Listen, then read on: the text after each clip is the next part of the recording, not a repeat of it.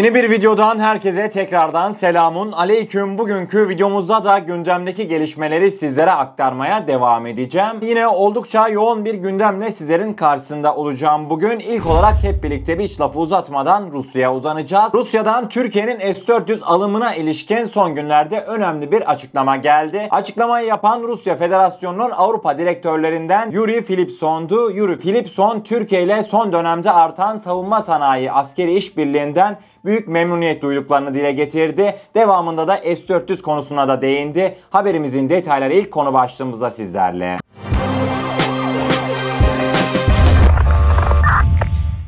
Rusya Dışişleri Bakanlığı 4. Avrupa Dairesi Direktörü Yuri Filipson, Türkiye'nin S-400 füze savunma sistemi alımıyla ilgili tutumuna değer verdiklerini, Ankara ile işbirliğinde ciddi bir potansiyel gördüklerini ve ilgili makamların bu konuda temaslarını sürdürdüğünü ifade etti. Rus medyasına konuşan Philipson, karşılıklı olarak çıkar sağlayan birçok konuda Rusya-Türkiye işbirliğinin giderek geliştiğini memnuniyetle görüyoruz. Askeri teknik alanda işbirliği de buna dahil. Ortak projelerin uygulanması, özellikle de Ankara'ya 2019'da S-400 hava savunma sistemi sevkiyatı ülkelerimizin bu alanda işbirliğini kapsamlı biçimde geliştirmek konusunda kararlılığını gösteriyor. Bunun için önemli bir potansiyel görüyoruz ifadelerini kullandı. Philipson açıklamalarına şöyle devam etti. Dışarıdan gelen baskılara rağmen kendi savunma becerilerini sağlamak yönünde hareket eden Türk partnerlerimizin tutumuna büyük kıymet veriyoruz dedi. Ankara'nın bir diğer S-400 bataryasını ne zaman alacağına ilişkin soruyu yanıtlayan Philipson, ilgili makamlar karşılıklı askeri teknik işbirliğinin daha da geliştirilmesi için temas halinde. Uzmanlar sakince çalışsın, acele etmeye gerek yok ifadeleriyle açıklamalarını sonlandırdı. Değerli dostlar Rusya'dan gelen bu açıklamayla birlikte S-400 konusunda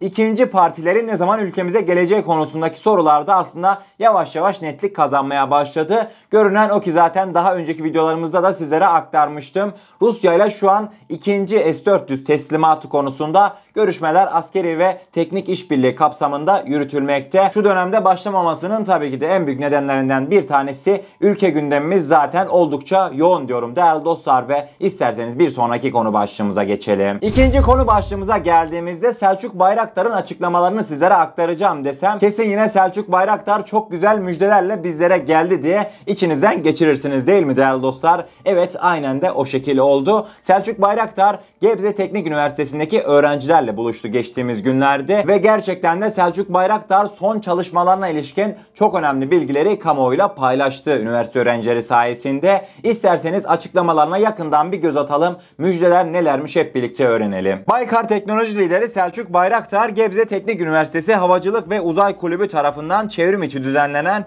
Havacılık ve Uzay Zirvesi'ne katıldı. Etkinlik çerçevesinde şu ana kadar yaptıkları çalışmalarla ilgili bir sunum yapan Bayraktar, teknolojiye meraklı gençler için kendi bilgi, birikim ve tecrübelerini paylaştı. Türk Silahlı Kuvvetleri envanterine giren ilk milli insansız hava aracı Bayraktar Mini İHA, Bayraktar TB2 ile ilgili değerlendirmeler de bulunan Selçuk Bayraktar şunları söyledi. Bayraktar TB2 dünyada artık nam saldı. Şu anda 4 ülkeye ihraç edildi. Ondan fazla ülkede sırada. Bayraktar TB2 40 bilgisayardan oluşan uçan bir robot aslında. Dünyada rekor sayılabilecek düzeyde yerli katılımla geliştirilmiş bir uçak. Uçakta onlarca bilgisayar var. Yüz binlerce satır yazılım var. Bazen soru geliyor. Motoru yurt dışından alıyorsunuz nasıl olacak diye. Motoru dediğimiz neredeyse çim biçme motoru kadar basit sayılabilecek akıllı telefonlarda titreşim motoru gibi kıyaslayabileceğimiz bir husus. Türkiye'nin çok daha gelişmiş piston motorları yapma kabiliyeti var dedi. Selçuk Bayraktar konuşmalarının devamında Akıncı muharip insansız uçak sistemi ve Bayraktar TB3 hakkında da bilgi vererek şunları paylaştı. Bayraktar TB3'ü geliştirme çalışmalarımızda devam ediyor. İlk duyduğumuzda gemiye konuştu bir siyah sistemi olduğundan bayağı ilgi gördü. Şu an geliştirme faaliyetleri devam ediyor. Çalışmalar hızlı bir şekilde sürüyor. Milli İnsansız Uçak Sistemi de çok eski bir hayal. Bizim neredeyse 10 senelik hayalimiz ama Akıncı'yı uçurmamızla geliştirmemizle birlikte artık bizim için çok daha geliştirilmesi yakın bir platform oldu. Bunu da inşallah 2023 yılına kadar ilk prototipinin ilk uçuşunu yapmayı hedefliyoruz diye açıklamalarını sonlandırdı. Baykar Teknoloji Lideri Selçuk Bayraktar. Bayraktar. Selçuk Bayraktar'ın açıklamalarından öne çıkan detayları yine değerlendiririz. Fakat adamın ne kadar değerli bir kişilik olduğuna bakar mısınız? Kendisi zaten Türkiye'nin en önde gelen genç mühendislerinden bir tanesi ve gençlere verdiği değerlerden ötürü ben yakinen takibe almış bir isim Selçuk Bayraktar'ı. Selçuk Bayraktar böyle sürekli farklı farklı üniversitelerdeki farklı farklı genç girişimli, genç elektronikçi arkadaşlarla bir araya geliyor ve bu programlara severek kendisi kendi isteğiyle katılıyor. Bu gerçekten bana kalırsa atlanmaması gereken en önemli detaylardan bir tanesi. Selçuk Bayraktar'ı gören yaşıt arkadaşlarım onun hayalleriyle birlikte hayaller kurmayı öğreniyor.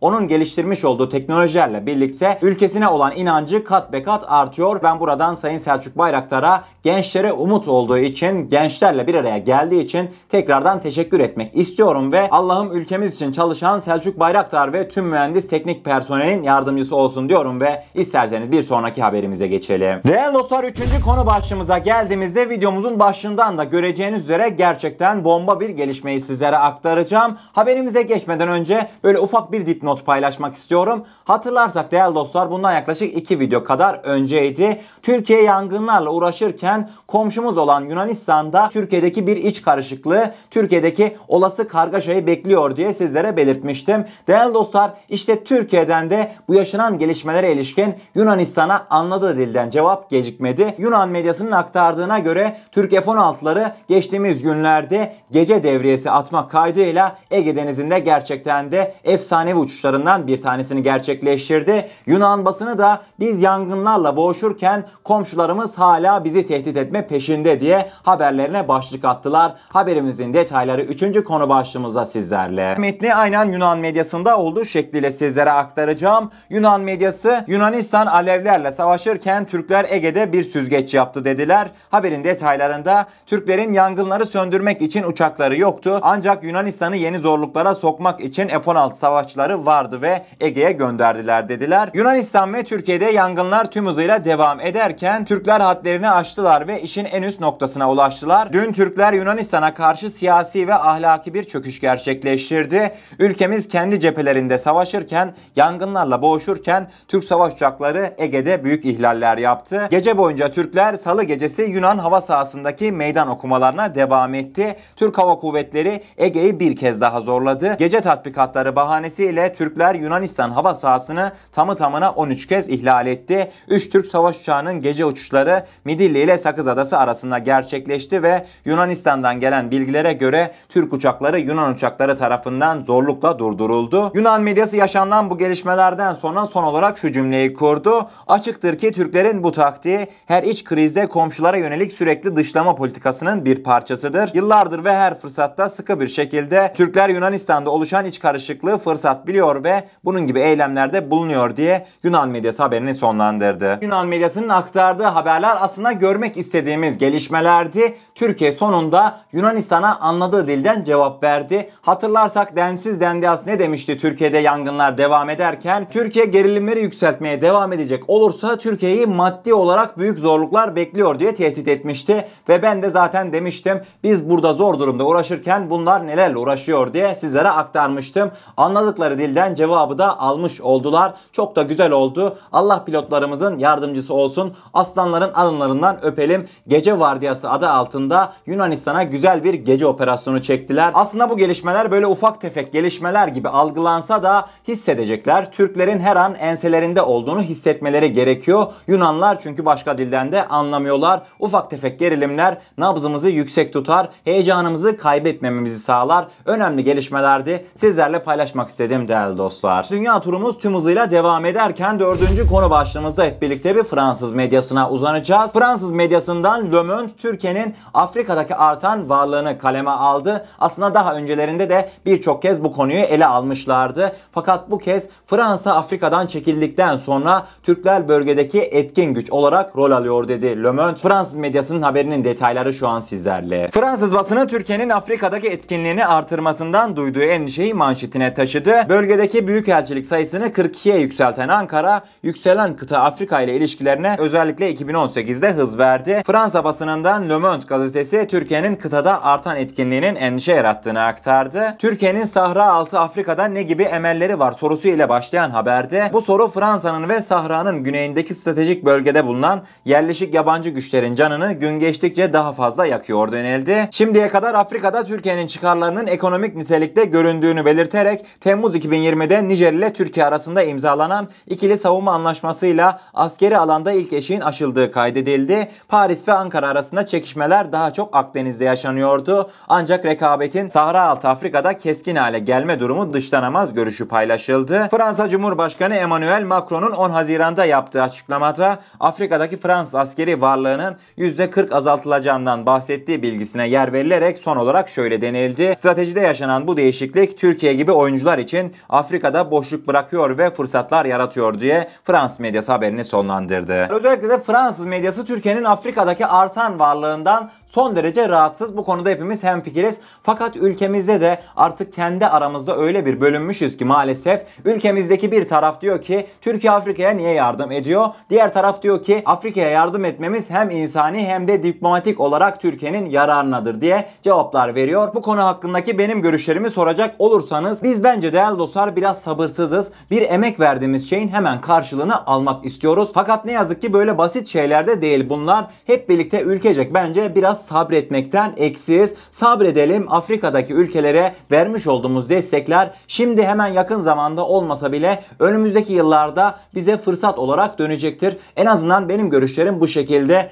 Özellikle de Kıbrıs'ın dünyadaki farklı farklı ülkeler tarafından tanınması hususunda Afrika'daki Türkiye'nin destek vermiş olduğu ülkeler bence yeri ve zamanı gelince Türkiye'nin ricasını kıramayaraktan Kuzey Kıbrıs Türk Cumhuriyeti'ni de uluslararası nitelikte tanıyacaklardır. İnşallah Afrika'daki yapmış olduğumuz yatırımların ülkemize geri dönüşü çok ama çok büyük olacak. Benim görüşlerim bu şekilde değerli dostlar. Fransız medyasının haberine de göz attıktan sonra 5. ve son konu başlığımıza geldiğimizde hep birlikte bir Ukrayna'ya uzanacağız. Ukrayna'nın Cumhurbaşkanı Vladimir Zelenski çok çarpıcı bir açıklamada bulundu Donbas bölgesine ilişkin. Zelenski Rusya'ya karşı dedi ki eğer ki Donbas'ta bir savaş gerçekleşecekse hiç çekinmeden bu savaşa gireriz ve kazanırız dedi. Ayrıca ülkesindeki Rus sevdalılarına da gerçekten çok ilginç açıklamalarda bulundu Zelenski. Haberimizin detayları şu an sizlerle. Ukrayna Cumhurbaşkanı Vladimir Zelenski Donbas bölgesini mutlaka Rus işgalinden kurtaracaklarını ve Rusya'nın bölgeye ilhakını asla kabullenmeyeceklerini ifade etti. Zelenski Ukrayna medyasına vermiş olduğu röportajda Donbas'taki krizi değerlendirdi. Rusya destekli milislerin kontrolünde bulunan ve fiilen Rusya tarafından yönetilen Donetsk ve Luhansk merkezli Donbas bölgesinin Birleşmiş Milletler'in tanıdığı Ukrayna dahilinde olduğunu hatırlatan Zelenski, uluslararası hukuk gereği bölgenin Ukrayna kontrolüne dönmesi için Rusya'ya baskı yapılması gerektiğini kaydetti. Donbas bölgesinde yaşayan Rusya yanlılarına da seslenen Zelenski, Rusya'yı seviyorsanız ve hayatınız boyunca yaşadığınız Ukrayna toprağını Rusya olarak görüyorsanız çocuklarınız ve torunlarınız için gitmeli ve kendinize Rusya'da yer aramalısınız. Kendinizi Ukraynalı, Donbas'ın da Ukrayna toprağı olduğunu hissediyorsanız, Ukrayna bayrağına ve diline saygı duyuyorsanız bekleyin. Donbas işgalden kurtulacak ifadeleriyle açıklamalarına son verdi Vladimir Zelenski. Ukrayna Cumhurbaşkanı Zelenski oldukça sinirlenmiş çünkü eğer ki Rusya'yı seviyorsanız açık açık defolup gidin Rusya'ya diye çağrıda bulunmuş. İlginç bir gelişmeydi. Bakalım Zelenski'nin açıklamalarına Rus kanadından cevap gelecek mi? Merakla beklemede olacağız değerli dostlar ve bugün gelişmeleri sizlere aktarmış oluyorum. Umarım haberlerimizi doğru bir şekilde anlatabilmişimdir. Eğer kanalımıza ilk defa gelmekteyseniz kanalımıza abone olarak bizlere destek olabilirsiniz. Videomuzu gerçekten beğenmişseniz beğenirseniz çok mutlu oluruz diyorum ve son olarak tekrardan yangın bölgelerimizde canla başla mücadele eden itfaiye orman işçilerimize Allah kolaylık versin diyorum. İnşallah en kısa süre içerisinde ülkemizdeki yangınlar kontrol altına alınır dilekleriyle. Kendinize çok iyi bakın. Allah'a emanet olun. Her şey istediğiniz gibi olsun sağlıcakla.